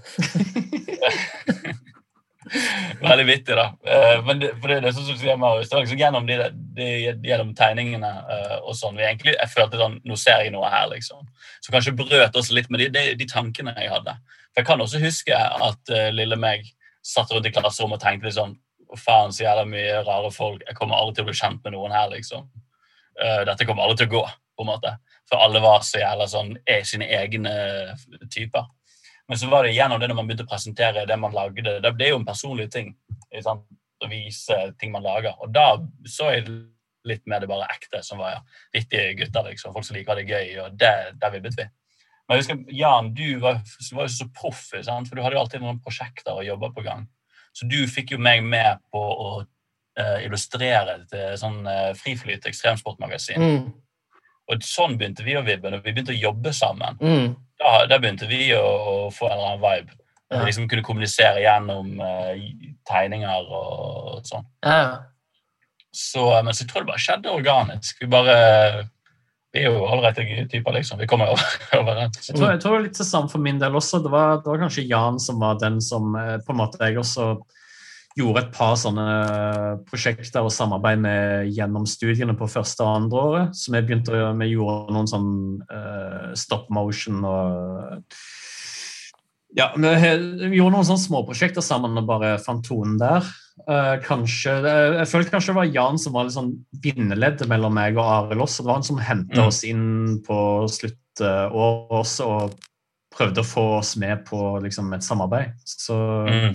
Jeg bodde jo sammen med Jan også eh, et år. Du bodde, vi bodde i kollektiv sammen, så det var, ja, det var litt sånn Det var, det var ikke der det starta først, for min del. Jeg hadde en sånn grei, eh, grei kobling med, med Jan, og så Mm. greip du tak i, tak i meg og Arild. Mm. Ja, du liksom støttekontakten, da, på en måte. Så tok vare på de, sånne her, eh, de to rare guttene. Hør her, Jan. Du, du virker som en ressurssterk person som tok tak i to talenter, og så så du dem, og så bare gønna på. Nei, men jeg tror jeg, bakgrunnen min er jo det å jobbe mye, da. For eh, jeg vet ikke, før jeg kom dit, så jobba jeg mye da òg. Og jeg tror det handler litt om at man ser folk som også kan Eller som, som jobber, jobber på litt, da. Som har en eller annen sånn kvalitet at du, du gir deg på en måte ikke med det du gjør. Eh, og er selvstendig, tror jeg. Og Nå skal jeg ikke snakke stygt om noen andre, da, men eh, det er jo mange andre grunner. Men det, det er jo en sånn Man ser jo det fort. Folk som er villige til å Eller som klarer det, og som er glad i å ta i et tak. da. Som er Jeg vet ikke. Kanskje det var bare noe jeg så som var liksom Faen, de gutta her er flinke, ass. Tenkte jeg. Eh, Det tror jeg jeg tenkte. Jeg hadde Første gang jeg så Marius, var i en sånn gruppe Vi var samla i en sånn ring. Jeg tror det var første gang vi møttes. Det var den samme kleine ringen eh, vi satt rundt eh, og Ja, ja, ja, oss Ja. eh. Da tenkte jeg at Marius han, han er fet, han ser fet ut. Og så eh, tenkte jeg Arild tenkte jeg var sånn Han der er jævlig flink. tenkte jeg. Ja. Førsteinntrykket. Han er jævlig flink. Han der Og- og eh, petit. er flink. Og petit. Men uh, du Førsteinntrykket av deg var ikke helt sånn. Det var litt, jeg trodde du var i hvert fall samme alder som meg og hadde jobba en del utenom andre ting og sånn også. Så jeg, hadde jo, jeg visste jo ikke det før sikkert det andre året, at du var mye yngre enn meg. jeg vet, så jeg husker ikke helt, men jeg tenkte, det var førsteinntrykket at jeg trodde du var Du virka som en jævla flink fyr, da. Supertalentfull fyr. Ja. Um, og Marius han var bare jævlig fet. Han bare Shit, han er faen fyren der er fet, tenkte jeg. Ja, det er boss. Så var jeg litt usikker på Ilja og sånn, at, om dere kjente hverandre fra før. En annen helt legendarisk karakter. Han burde, han burde også ha på podkasten, forresten. Ja. Som uh, er helt rå fyr. Og jeg trodde kanskje dere kjente hverandre litt fra før. og sånn, men Jeg klarte ikke helt å sette dere sammen heller, på en måte. Men jeg tenkte at de er fra samme sted. eller noe. Fordi eh, eh, Erlend, du, eh, du har vært på Brusand. Da vet du kanskje om uh, Varhaug? og sånn? Varhaug! Varhaug. Så Ilja, Ilja var fra Var. Han er halvt russisk og fra Varhaug. Det er en uh, ganske syk miks. Han er også en spesiell case som eh, Mm. endte opp i samme klasse som oss. da. Så det var sånn, Jeg, jeg hadde aldri møtt han før, men tydeligvis var han fra nabobygda. da. Så det, Wow. Det er en syk miks av folk som gikk i den klassa deres. Mm. Vel, du kunne, jeg tror du kunne intervjuet alle de der. Altså. Mm. Gått gjennom det kullet der. Mm. Det er, veldig, det er god gjeng, altså, for det er vittig, for alle føler jeg endte opp med å gjøre et eller annet kult innenfor animasjon eller noe kreativt. liksom. Det, det, var, det var en god gjeng. altså. Ilja rå. En av de første tingene han sa til meg, var Vet du hva, en gang så fant jeg en død mann i et kumlokk. Så jeg bare Hæ? Ja, det var Russland. Så jeg «Hva?» Ok, hvordan fortsetter vi denne samtalen, Ilja? Du finner det hele Ja, tida i Russland. og overalt. Stinker, lukter helt forferdelig. Eh, eh, En av våre sånn mest sånn kjære tegnefilmfigurer, eh, Harald Husvegg, er et resultat av at vi satt hjemme hos meg og Jan og prøvde å parodiere eh, måten Ilja prater på. Mm. Så det resulterte på en måte i at vi fant sånne voice til en veldig sånn ikonisk figur, egentlig. Mm. Så blitt inspirert. Blitt inspirert av, eh, av de dere har selvfølgelig møtt bare den eh, turen din, eh, Jan Petter, til, til Australia der. Altså Alle disse inntrykkene, det må jo være noe dere bruker i kunsten? Ja, leve ut, leve ut sult av Hamsun, det er en ting for seg selv, det, vet du. Det skal du også gjøre en gang i livet. Ja. Ja, men nå er vi blitt der, Det er jo blitt så kjedelig nå når vi gjør det proft. Nå kan jo, vi er jo tom for eh, våre egne erfaringer. Nå må vi bare gjøre det på oppdrag. Nå, sånn, ja, nå må du komme på en sketsj som handler om regjeringen som holder sammen, eller koronahåndteringen til Erna Solberg. Det er ikke så mye. Da må du grave langt i, i Volda-minnet for å finne noe som relaterer det. ja, de blir voksne nå. Det er dessverre Mm. Fått unger og Uff. Men du må gjerne foreslå ny retning å ta samtalen, for ellers kan vi begynne å bare prate med, om Ilja og Jon Petter og Margrethe. Og, Vi snakker aldri sammen om eh, noe, skjønner du. Vi bare snakker sketsjer. Så dette åpner Ja, ja. vi, vi, kan, vi svever av gårde i alle retninger. Det minner meg faktisk på at det er lenge siden vi har sittet og tatt en øl sammen eller drikket noe skikkelig ja. dårlig vin. Ja. Det, var, ja, det savner jeg. Ja, Liksom. det er jo Åh. Skal ikke, skal ikke vi fire bare møtes etterpå et eller annet sted og så bare drite litt i korona og så bare ta en øl? Altså, Og litt dårlig tar vi, vin? Ja, vi tar disse mikrofonene og kaster over dem i bosset. Sant? Vi trenger jo ikke de. Jeg er så keen på å gi faen, ass. Og bare kjøre på. Ja. Ja, ja. Vi kan, vi kan ta bussen, nattbussen til Volda, kanskje. ja. Det, Og det, der, det så Marius, kan ikke fortelle om når du møtte de som lagde Pompel og Pilt, eller han som var roommate med de som lagde Pompel og Pilt? Uh, nei, ja, det var, det var etter jeg var ferdig å studere der, da. Men så Mhm. skulle jeg ta nattbussen opp til Volda, for jeg skulle på Volda Animation Festival. For jeg hadde bare Ja. eh, jeg var invitert til å spille der, uh, DJ med god venn Ivan. Faen, ass, du kunne intervjua Ivan. han gikk også i klasse Han gikk også i klasse med herren. Han, han, Han burde ja, ha han, intervjuet. han faktisk driter i andre. han er så flink kunstner han, at han kommer til å havne på et eller annet eh, ja, forum i fremtiden, i hvert fall. Ja. Eh, jeg og Ivan hadde et lite DJ-konsept på det grønne treet. Grønne treet fins ennå. Jeg lurer på om det grønne treet er borte. Oi! Rest in peace, grønne tre. Uh, da er det kun rocken. Shout-out Shout-out. Grønne Tre. kjære. Grønne tre. Jeg og Ivan, som gikk i klassen, som var fra Kroatia, eh, hadde DJ-konsept der hvor vi egentlig bare spilte 60-70-tallsrock. Jan var faktisk med og starta det også. Ja. Det var med første gang på det. Det var sikkert Jan som tok tak i meg og Ivan og sa at dere burde gjøre det, og så bare fortsatte jeg og Ivan med det. etter- Det var helt rått, da. Det var kjempegøy. Og så eh, Living in the past, het det. Living in the past. Mm. Hele konseptet var bare Ok, De hadde masse DJ, student-DJ-konsepter eh, på Det grønne treet, og sånn, hvor folk kom og spilte elektronika, house og klubbmusikk. Og så hadde jeg og Ivan lyst til å spille klassisk rock og sånn. Og det viste seg å bli en bra hit, fordi både folk på vår alder digger det, og, og eldre, eldre vår, altså våre foreldre, den eh, generasjonen der, digger det også. Så det er sånn tidløs sjanger, så vi, vi holdt på med det. Så derfor uh, skulle jeg ta nattbussen opp til Volda på en animasjonsfestival fordi jeg og Ivan skulle spille der. Og så, jo, det var det du spurte om, Arild. Ja, jeg sitter og gleder meg. Nei, eh, du vet aldri hvem du ender opp med på nattbussen. Så endte jeg opp med en, kanskje en sånn fyr i sånn 50-åra som var skikkelig sånn pratsom. Han satt eh, i setet ved siden av meg. Og han hadde han bare hadde lyst til å spørre meg hvorfor jeg skulle til Volda. Å, du driver med innovasjon, og oi, så gøy. Og så begynte han å sånn halvskryte over hvordan han på en måte kjente de, eh, det, det kjæresteparet da, som egentlig sto bak Pompel og Pilt. Og hvordan han hadde vært i huset de bodde i, og røykt masse hasj med de, og de røykte så mye hasj, og de var så hippier, og de hadde så mye sånn tanker og visjoner om hvorfor Pompel og Pilt ble sånn som det ble, og poenget var å utfordre liksom barn og ikke lage sånn mainstream barne-TV. skulle liksom Poenget var, det, det skulle være skummelt, fordi at det var, de ville liksom stimulere de små hodene til barna. Så de var sånn super sånn idealistiske og sånn. Så han, han satt bare satt bare der og skrøt litt over hvordan han kjente de. Og Og at hele Pom- Pompel var resultat av en skikkelig hasjrus. Ja, egentlig. egentlig. Han bare Som man uh, sikkert skjønner når man ser på det også. han uh, hylles til hasj. Jeg husker Pompel og Pilt! Ja. Ja, du er med.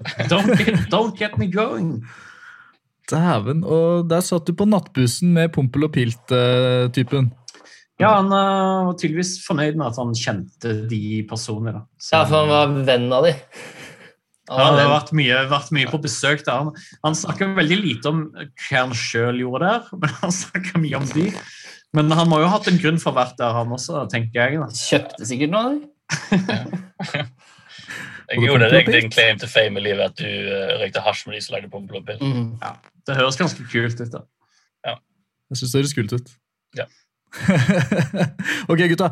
Rask eh, lek. Vi nærmer oss eh, et, et sluttpunkt her eh, i denne samtalen av eh, masse forskjellig interessante historier og Volda-liv og mimring. Ja, men, Men, men jeg eh, merker også at energien dabber litt av her nå. eh, Ja. Ja, nå skal, jeg- nå skal jeg få på en uh, Før vi gir oss tre Tre ting som uh, dere tenker på når jeg sier uh, Volda. Jan Petter, vær så god. Øl. øh, Ja. Nei, vet du Jeg vet ikke faen. Det er, tre ting. Jeg er ikke noe glad i sånne tre ting. Lukk øynene dine igjen, Petter. Nei, fjell, øl og gøy, ass. Vil du, ha, vil du ha flere ting, eller er det Ja, det går ikke an å ha tre ting. Det er jo ikke tre ting som er oppi huet mitt. Det er gjerne ti ting samtidig, så den leken der den har aldri funka på meg. Skal vi prøve? Skal vi, vi kan godt prøve ti ting, Volda. Øl, eh, musikk, eh, gode kompiser, ass. Eh, Eh, yeah, bro! yeah, bro. Eh, trening, natur Damer. og animasjon. Nei, det var Jeg synes det det, var da, det, bare et, det var et helvetes herk oppi der, de greiene med damene, for det var jo helt håpløst. Ehm, ja, nei, det ble kanskje seks ting, da. Nei, det er seks gode ting. Ja, Ja. Du, men nå tok du alle tingene, da. Jeg kan ikke si noe nå når du har sagt eh, alt. Dårlig vin. Jeg ja, spøyde hele rommet mitt på Ja, dårlig vin. men jeg, jeg, husker, jeg husker mye sånne Jeg husker mye sånn rant, tilfeldige konsepter. Ja. Nå, folk, nå er det dette som skjer på rocken. Nå er det liksom marokkansk vinkveld. Mm, Nå er det liksom, nå skal vi lære å steppe med en polakk. Ja. Det er mye sånne tilfeldige konsepter. Litt sånn som du var inne på i starten. Eh, Studenter som bare får lov til å gjøre den ene tingen de skal få lov til å gjøre en gang i livet. Mm. Det de får lov til å gjøre, vold. Nå er vi fanget inn disse fengselsveggene av fjell. Og vi må gi alle fangene våre de må få lov til å få en utdanning, så de har noe å gjøre på når de kommer ut. eh, liksom. Mm. Og så kan du si ja, Tre, random. tre ting, da, Marius. Det er du god på. Ja, nå, vær, nå, har kon, jeg, vær konsis. nå, vær- Få med det viktigste. Tre, tre viktige ting. altså, nå, nå har jeg fått tid til å tenke da, mens du, mens du sleit igjennom dine seks ting. Uh, nei, jeg vet da faen. Det blir, det blir uh, Rotsetårnet. Ja, golfbane. De som vet, de vet. ja, ja, ja. ja, Og, eh, ja. og gode venner. Eh, Ja. ja. Kan vi altså Nå må jeg dra fram journalisten i meg. ikke sant? Så når du sier eh, 'de som vet', de vet Er det noe golfrelatert eh, historie her som vi skal ta med oss? Nei, bare, bare spør alle du møter på neste gang ute i Volda om golfbanen, så kanskje, kanskje de har noe å fortelle. Men jeg kan ikke si det på podkasten. Det, er noe med- det er noe mystisk med den golfbanen i Volda. Og Ja, og Det er spennende. Send svaret inn på e-mail, så kan du vinne en lykkebamsekopp Mm. i butikken vår. Ja. Eh, norske grønnsaker, Gå inn på norskegrønnsaker.no, eller norskegrønnsaker.no, og så kan du gå inn på butikken der, og så kommer det noe som heter lykkebamser, og det, det kommer du faen ikke til å ville gå glipp av. Altså. Ja. Gotta catch them all! Mm. Pokémon! gå det. Det er ikke ute ennå, altså. Nei, nei, finner det er ikke ennå. det, er kun uh, datostempla opplag på det. Da er det bare å Ah. hive seg over. Når er det dette kommer, da? Nei, det kommer nå slutten av neste uke. Nærmer du deg ferdig med den siste koppen? Jeg holder på med den grønne nå, så Ja. eh, det er to farger igjen. Og så er jeg jo spent på den svarte som jeg har pratet om. Mm. Ja, Han har vi, må vi finne ut av. Mm. Ja. Dæven. Nei, jeg skal bestille til hele kollektivet, jeg da, altså. Ja. Vi, vi, vi har slutta å lage animasjon, nå lager vi bare merch. Merch er faen meg morsomt. Det er jo dritgøy. Um, har noen ja, det blir en, det blir en annen podkast. Ja, det blir en annen podkast også. vi sa han skulle runde, han han skulle runde av. Vi kan ikke begynne å snakke om merch. Nei, Jo, men men- det er jævlig viktig å si at det er noe merch som kommer der, da, som er det er så hot at Ja, faen, altså. Det, halvparten hadde vært nok. Har det, ehm, vi, vi må ha, vi må ha altså, jeg, jeg prøver alltid å få fram flere stories eh, fra Volda, og dere er jo tre hoder her. Mm. Er det noen historier vi skal redigere inne i podkasten her, som vi kan få med? Noe spice fra, fra Volda, fra guttene? Ja, ikke sant, ikke sant. Var det noen gang det nesten gikk til helvete, egentlig? I Volda? Volda? Nå, nå har jeg 11 her på batteriet, men uh, husker du, Jan, havner jo nesten i slåsskamp. Eller havner på en måte i slåsskamp. Uh, Ja, ja, ja. Men det er jo Det er mye med deg, da, ja. Studietiden er den perfekte tid for litt for mye testosteron, da. Men er vi, Ja, det det, du mente med å gå til helvete Nei, nei, men greia var at vi drev og Det var en periode vi på animasjonslinja isbada.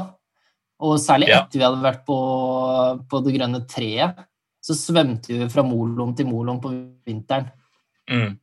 Ja, det var Det er så sånn, smart. det er sånn jeg tenkte i ettertid, at uh, det var jævlig dumt. Ja, det var ikke så smart av oss. Nei, men det var, det var jo Ja. Så det er en historie, da. Det oppfordrer jeg folk til å gjøre. Får du liv på samvittigheten, ja. Mm. Dæven. Nei, jeg har, ikke, jeg har ikke turt å hoppe uti fjorden, jeg. altså. Vi hadde jo noen på linjen, animatører. Altså. Du må få flere av de. det er mye rart. Det var jo noen som badet hver eneste dag i året. Mm. Uh, I kullet over oss, eller noe sånt. Mm. Hver dag så de sakte ned eh, og hoppet uti, og siktet opp igjen. og for å studere. Det er en god historie. ja, Jeg fikk, eh, bare, jeg fikk kyssesyken eh, i Volda. Og så Det som var morsomt med, med, med det, var at jeg var veldig sjuk mange dager på rad. Ja, du ble så jævlig hoven. Jeg ble jævlig hoven og bare var paff og daff og bare ikke, følte meg ikke bra i det hele tatt. Og så husker jeg at jeg, fordi vi, hadde en sånn, vi prøvde å animere noen ting i kjelleren på animasjonslinja. Og så så Jan Petter på meg og så sa han sånn Du, jeg tror du har kyssesyken, ass. og så gikk jeg og testa meg hos eh, legen, og så hadde jeg faen meg kyssesyken. ass. Så um, Jeg tror det var ganske wild guest. Men Ja. eh, det kan hende at, at noen jeg kjenner har hatt det før, da. ja. Uten at jeg husker det. Men du var du var hoven som en hamster, altså. Altså, Jeg husker jeg prøvde å gå opp den lille trappen utenfor animasjonslinja, der kjelleren der, og opp til liksom å gå mot uh, hva er det, Bert, Bertus og Mm. Bertinus-huset. hva det heter Bert, Bertinus. Berte Kanutte. Berte Kanutte, Berte. Kanutte og Martinus. Um, og så den lille trappa der opp fra kjelleren, det er sånn ti trinn. Men når det var på det verste der, så kunne jeg bare gå opp halve, og så måtte jeg sette meg ned og ta en pause. For jeg var så utslitt. Så, um, eh, men hadde ikke Jan vært der og sagt du har kyssesyken, så vet jeg ikke kanskje jeg hadde drevet og torturert meg sjøl lenger, men da var det sånn OK, jeg må ta en pause. Da holdt det på å gå til helvete, da. Det er helt sjukt at jeg visste det. Det var veldig weird. Det var random. Det var random. Det Det var random. Ja. Og på, det var på bursdagen min før jeg skulle holde på å kutte av med fingeren, for jeg skulle åpne en øl med en uh, skrujern. Så knakk jeg av toppen, og så kuttet jeg meg inn til Ja, stemmer det. Ja, ja, ja. Og så ble jeg bare sluppet av på legevakten, som selvfølgelig i Volda, så er jo ikke han der. Mm. Jeg sluppet av der av en med, som kjørte til en vei og bare la meg bli der. Så måtte jeg ringe opp til han på hjemmenummeret. Så han bare 'hæ?' Jeg, bare, jeg holder på å miste fingeren. Å, OK, jeg kommer. Så jeg kommer ned dit, og så så han på det. 'Å, helvete'. Dette går jo ikke. Så sendte han meg opp på sykehuset. og Jeg satt der liksom, og jeg var jo ganske full hele veien. Og det er veldig bra at det har skjedd mye, det er alltid bra når det skjer ulykker når du er full, for da koser du deg. sånn. Jeg sitter, satt der, og så satt en sånn uh, sykehusstudent og prøvde å sy fingeren min på plass. Så da, nå er det good. Sendte meg ned på grønne treet. da. Og så var jeg jo så dopet ned i fingeren, så jeg satt jo og trommet på bordet til musikken. Det var veldig god musikk. Det vet sikkert du som spilte Marius. Og dagen etterpå hadde jeg så jævlig vondt i fingeren. Det var sånn våkne dag, Hva faen skjer med den fingeren? Den var jo så blitt så hoven etter å ha hamret den i bordet.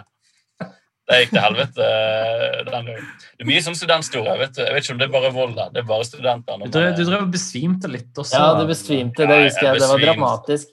Jeg besvimte besvimt mange, mye i Arild er på sykehuset. Hæ? Arild er på sykehuset. Å, har du hørt det siste? Arild er på sykehuset. Han har besvimt. Vi må skrive kort. Ja, det er Ja, selvfølgelig så det holdt på å gå til helvete for alle på ulike tider. da.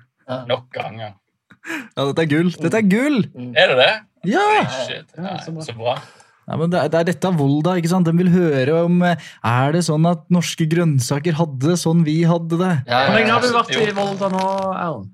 Halvt år! Halvt år? Har du bare vært et halvt år? De snakker som en som har vært der ett år på overtid, minst. Mm, mm. Men eh, da har du mye, mye å glede deg til. Hold deg fast. Ja. Ja, Bruker du denne podkasten aktivt til å liksom lære hva du burde gjøre, ikke burde gjøre? ja, ja men altså det, Helt sær, i den podkasten her nå, så har jeg jo prata med ekstremt forskjellige folk fra forskjellige studenttider i Volda. Mhm, Så mhm. å snakke med Margret Olin Mm. yeah. eh, som en sånn veldig dyp eh, filmskaper, dokumentarer, veldig tungt. Å prate med hun kontra å prate med eh, Vi prata akkurat med Jonas eh, Lihaug, Mm -hmm. som er mer bare humor og YouTube og sånn. ja. Har han?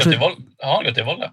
Ja, han var her, men han ble vel også Ikke også dere, dere fullførte, men han eh, ble headhunta. Eller Det er flere av dem som slutta. Jeg prata med Erik Solbakken i stad. Ja, ja, ja. ja. Han slutta etter et år. Ja, det er mange av de der. Mm. Men jeg visste ikke at Jonas, for vi kjenner jo Jonas. Det har han aldri nevnt til oss. At han gikk i Volda, han også. Kanskje han eh, skammer seg? Jeg tror han skammer seg fordi at han ble headhuntet headhuntet for tidlig. Og det starta i Volda. Ja. Jonas hvem? er datert ut. Jeg fikk en mail, jeg. Han i fjerde etasje eh, Jo- Jo- Jonas, ja, Ja, Jonas! Jonas Gullsaker, Ja, ja, faen, fett.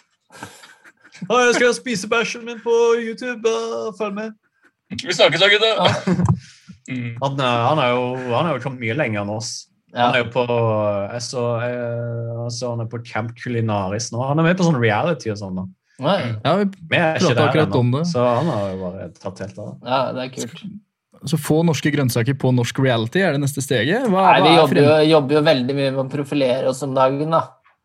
Så, Eh, ja. prøve å komme litt, være litt out there og få litt fjeset vårt på, på trykk, liksom. Gjør vi det? Ja, vi gjør, ja, ja.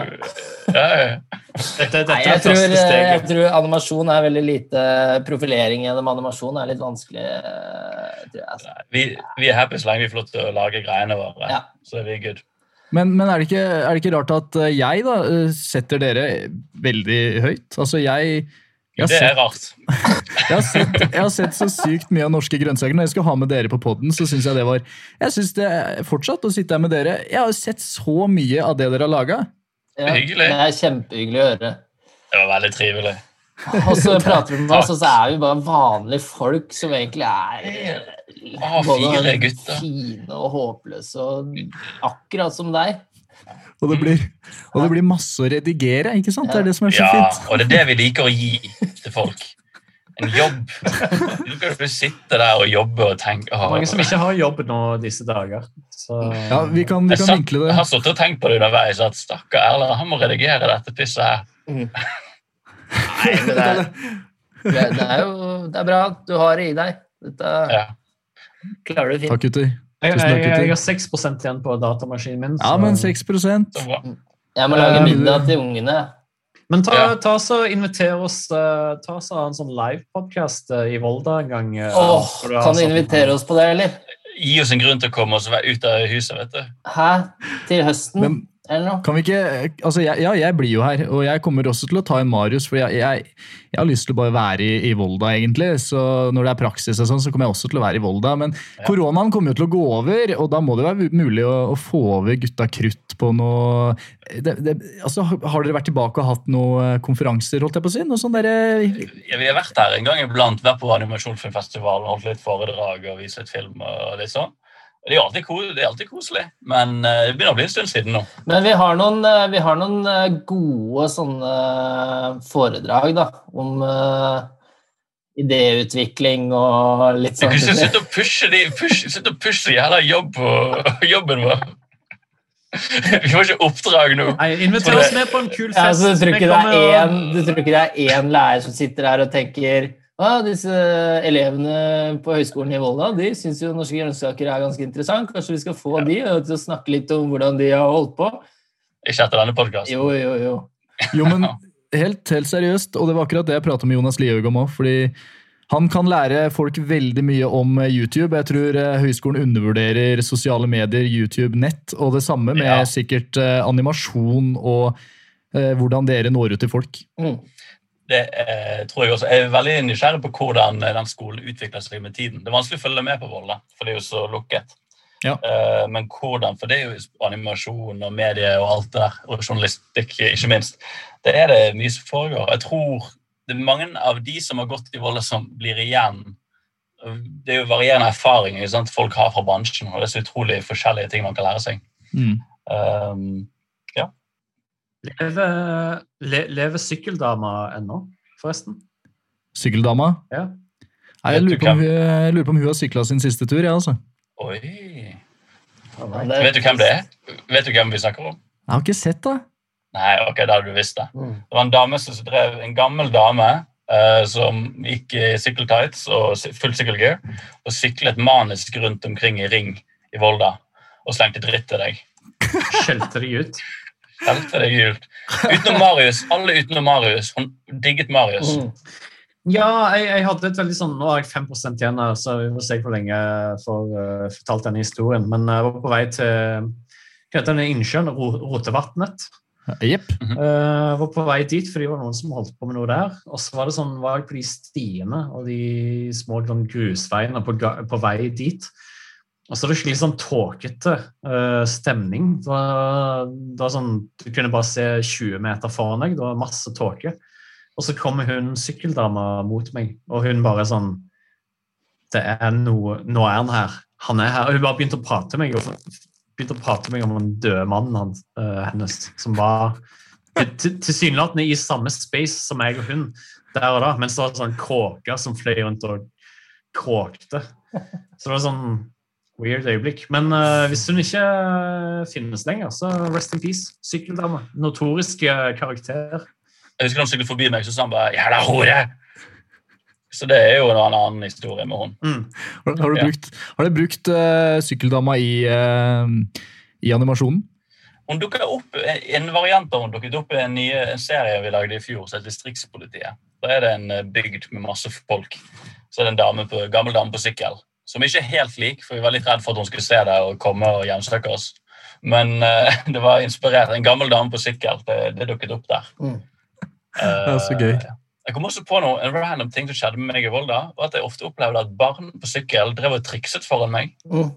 Dette var sånn helt tilfeldige ting. Men eh, når, jeg, når barn på sykkel kom mot meg, så var det sånn at de gjerne ikke begynte å style på sykkelen. og Ja, sånn. men det er fordi de fikk samme inntrykk som meg, at du var jævlig flink til et eller annet. Eh, og da tenkte de sikkert han der er jævlig god på sykkel. Ja, Fordi du har den viben, Arild, så det skal du ta med. Den. Den er du Ja. jævlig heldig med. Fake it to make it. Ja, det er ikke fake, det er bare eh, aura, er det det? Ja, takk skal du ha. Jeg føler når disse barna, jeg har også hatt litt opplevelse med det, men da er det mer at de, de ser at jeg ikke er en trussel, og at de kan mobbe meg. Så de små barna, Og i Volda der er barna veltalende, fordi de er trent i det å ha mediedekning gjennom hele livet. Ja, Ja, det er et godt poeng. ja er veldig, veldig godt godt poeng. poeng. Så det, ja, Og så er det alle sånn profesjonell sunnmøredialekt. Så det, ja, nå skal jeg ta han her fisen med kapsen. Skal vi mobbe han litt? 360 rundt han og gjøre Ja, narr av han. 360. Og samla med, med Jan, Jan Jonas og eh, Per Bertil, og så sykler i 360 rundt. Han er fisen her. Det er en del sånne rederfamilier også som vil ha orden på ting. Vet så Det er kustus på de kidsa. Ja, ja, ja. Endelig kommer liksom faren inn i bildet, og så er han like ille og bare støtter sønnene sine. og er Kult. Nei, vet du, Ja. sånn, sånn er det. Og På butikken her om dagen nå, en liten kid som bare var sånn, han stilte spørsmål som ikke jeg stiller. Oi. Ja, det, det er politikk. Det var dyp Ja. politikk. Det var Trump. Det var Hvem, dro hva, hvorfor? Dette er journalistspørsmålene. sant? Hvem, hva, Ja. hvorfor? Hvorfor er du her? Hva gjør du her? Hvem er du med? Hva er ditt forhold til Trump? Trump? Hva er, ditt, hva, er ditt, hva er ditt forhold til Trump? Nå har han nok en gang skatterabalder i media. Hvordan hvordan kommer Trump til å påvirke her i Volda? Og det, det er skummelt. Det er skummelt. Og Det de, er veldig skummelt. Nei, vi, har vi underholdt jo også barn i Volda. Vi, var, vi, lagde sånn, vi ble, var maskoter for animasjonsfilmfestivalen. Så vi lagde sånne her, to gigantiske maskotkostymer fra scratch, som var en gigantisk blyant og ganske gigantisk viskelær. wow. Og så lagde vi sånne uh, karakterer ut av de, så løp vi rundt og skremte barn i Så Volda. står vi utenfor butikken og sigga. Ja, vi, vi var veldig på at disse maskotene røyker. Så vi står utenfor og røyker, og så var jobben vår var å lose barna som skulle gå og se på animasjonsfilm på, på, på kinoen.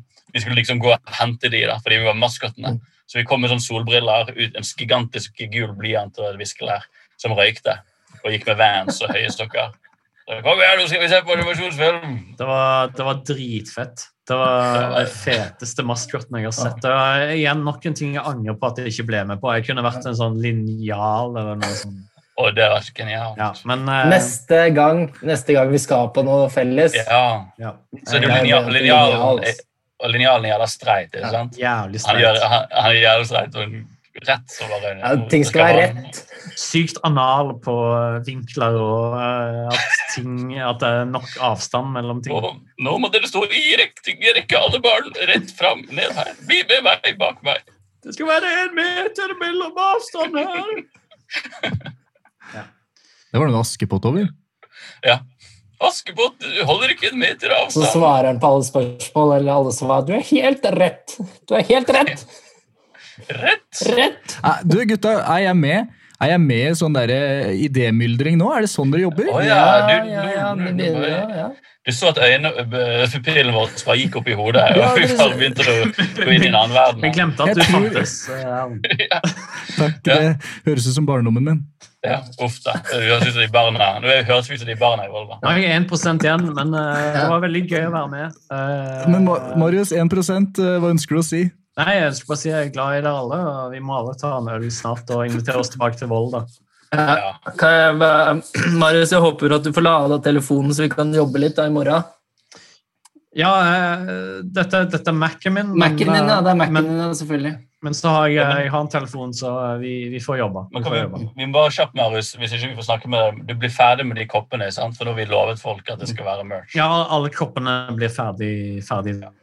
Og hvis du ikke liker eh, det er for sånt, Marius, hvis du ikke liker eh, Lykkebamsene, så kommer det noe som heter Naughty Bears eh, eller en liten stund etterpå. må vi slutte, vi må slutte å selge ting på podkasten til Erlend nå. Det, Men går det an å sende av gårde Jeg må jo nesten få testa disse produktene da, før, ja, ja. før det går videre. Så jeg får ta og sende av gårde en adresse der, så kan vi jeg synes Ja. vi, vi, kan, vi kan i hvert fall spre disse norske grønnsakproduktene i Volda. Ja. ja, det, det, det er riktig. Et lite utsalgskontor. Ja. Mm, Dette, det, det lukter et godt samarbeid mellom denne podkasten og Norske grønnsaker. mm. Vi skal få en ny daglig leder for shoppen vår som heter Kaptein Svartbart eh, om Ja. to måneders tid. Vi får Ja. se hva han finner på. Spennende. Ja. Yes. Ja, men eh, ja, faktisk, tro det eller ei, jeg ser allerede nå på denne lange samtalen vi har hatt, så er det masse gull som vi tar og får med oss. Og alle de gode historiene etter hverandre, så er det faktisk en ganske god rekke altså, med historier. Vi som er desperate, Mm. og bare skyter ut eh, all, alt vi kan. Ja, men det er, eh, det er helt supert, altså. Jeg setter stor pris på alt dere har kommet med her. Kjempegøy. Jeg har bare sittet og glisa nå, så nå må jeg ta meg en, jeg tror jeg skal ta meg en hvil, altså. Mm. Ja, så Så hyggelig. Jeg også. Jan Petter, du må passe på ungen din, Jan Petter. Ja, jeg skal lage noe Han begynner å slutte, jeg tror han begynner å slutte å elske deg snart hvis du ignorerer han mer. Det blir spagetti i dag, eh, og det er han veldig glad i. Ja, bra. Ja, så det blir fint. Mm. Mm. Nei, gutta. eh, skal vi da ta og si adjø til vår uh, podkast? Ja, vi må si ha Ja. det. Ja. Yes. Ha det. Ha det. Ha det fint. Ha det. Ha det. Ha det. Du har hørt en podkast produsert av Døgn i samarbeid med Høgskolen i Volda. Programleder var Erlend Arnesen. Det starta i Volda, og hva gjør du nå? Det lurer jeg på. Det har vært 50 år med medieproduksjon, men det føles egentlig ut som om det var i fjor. At det starta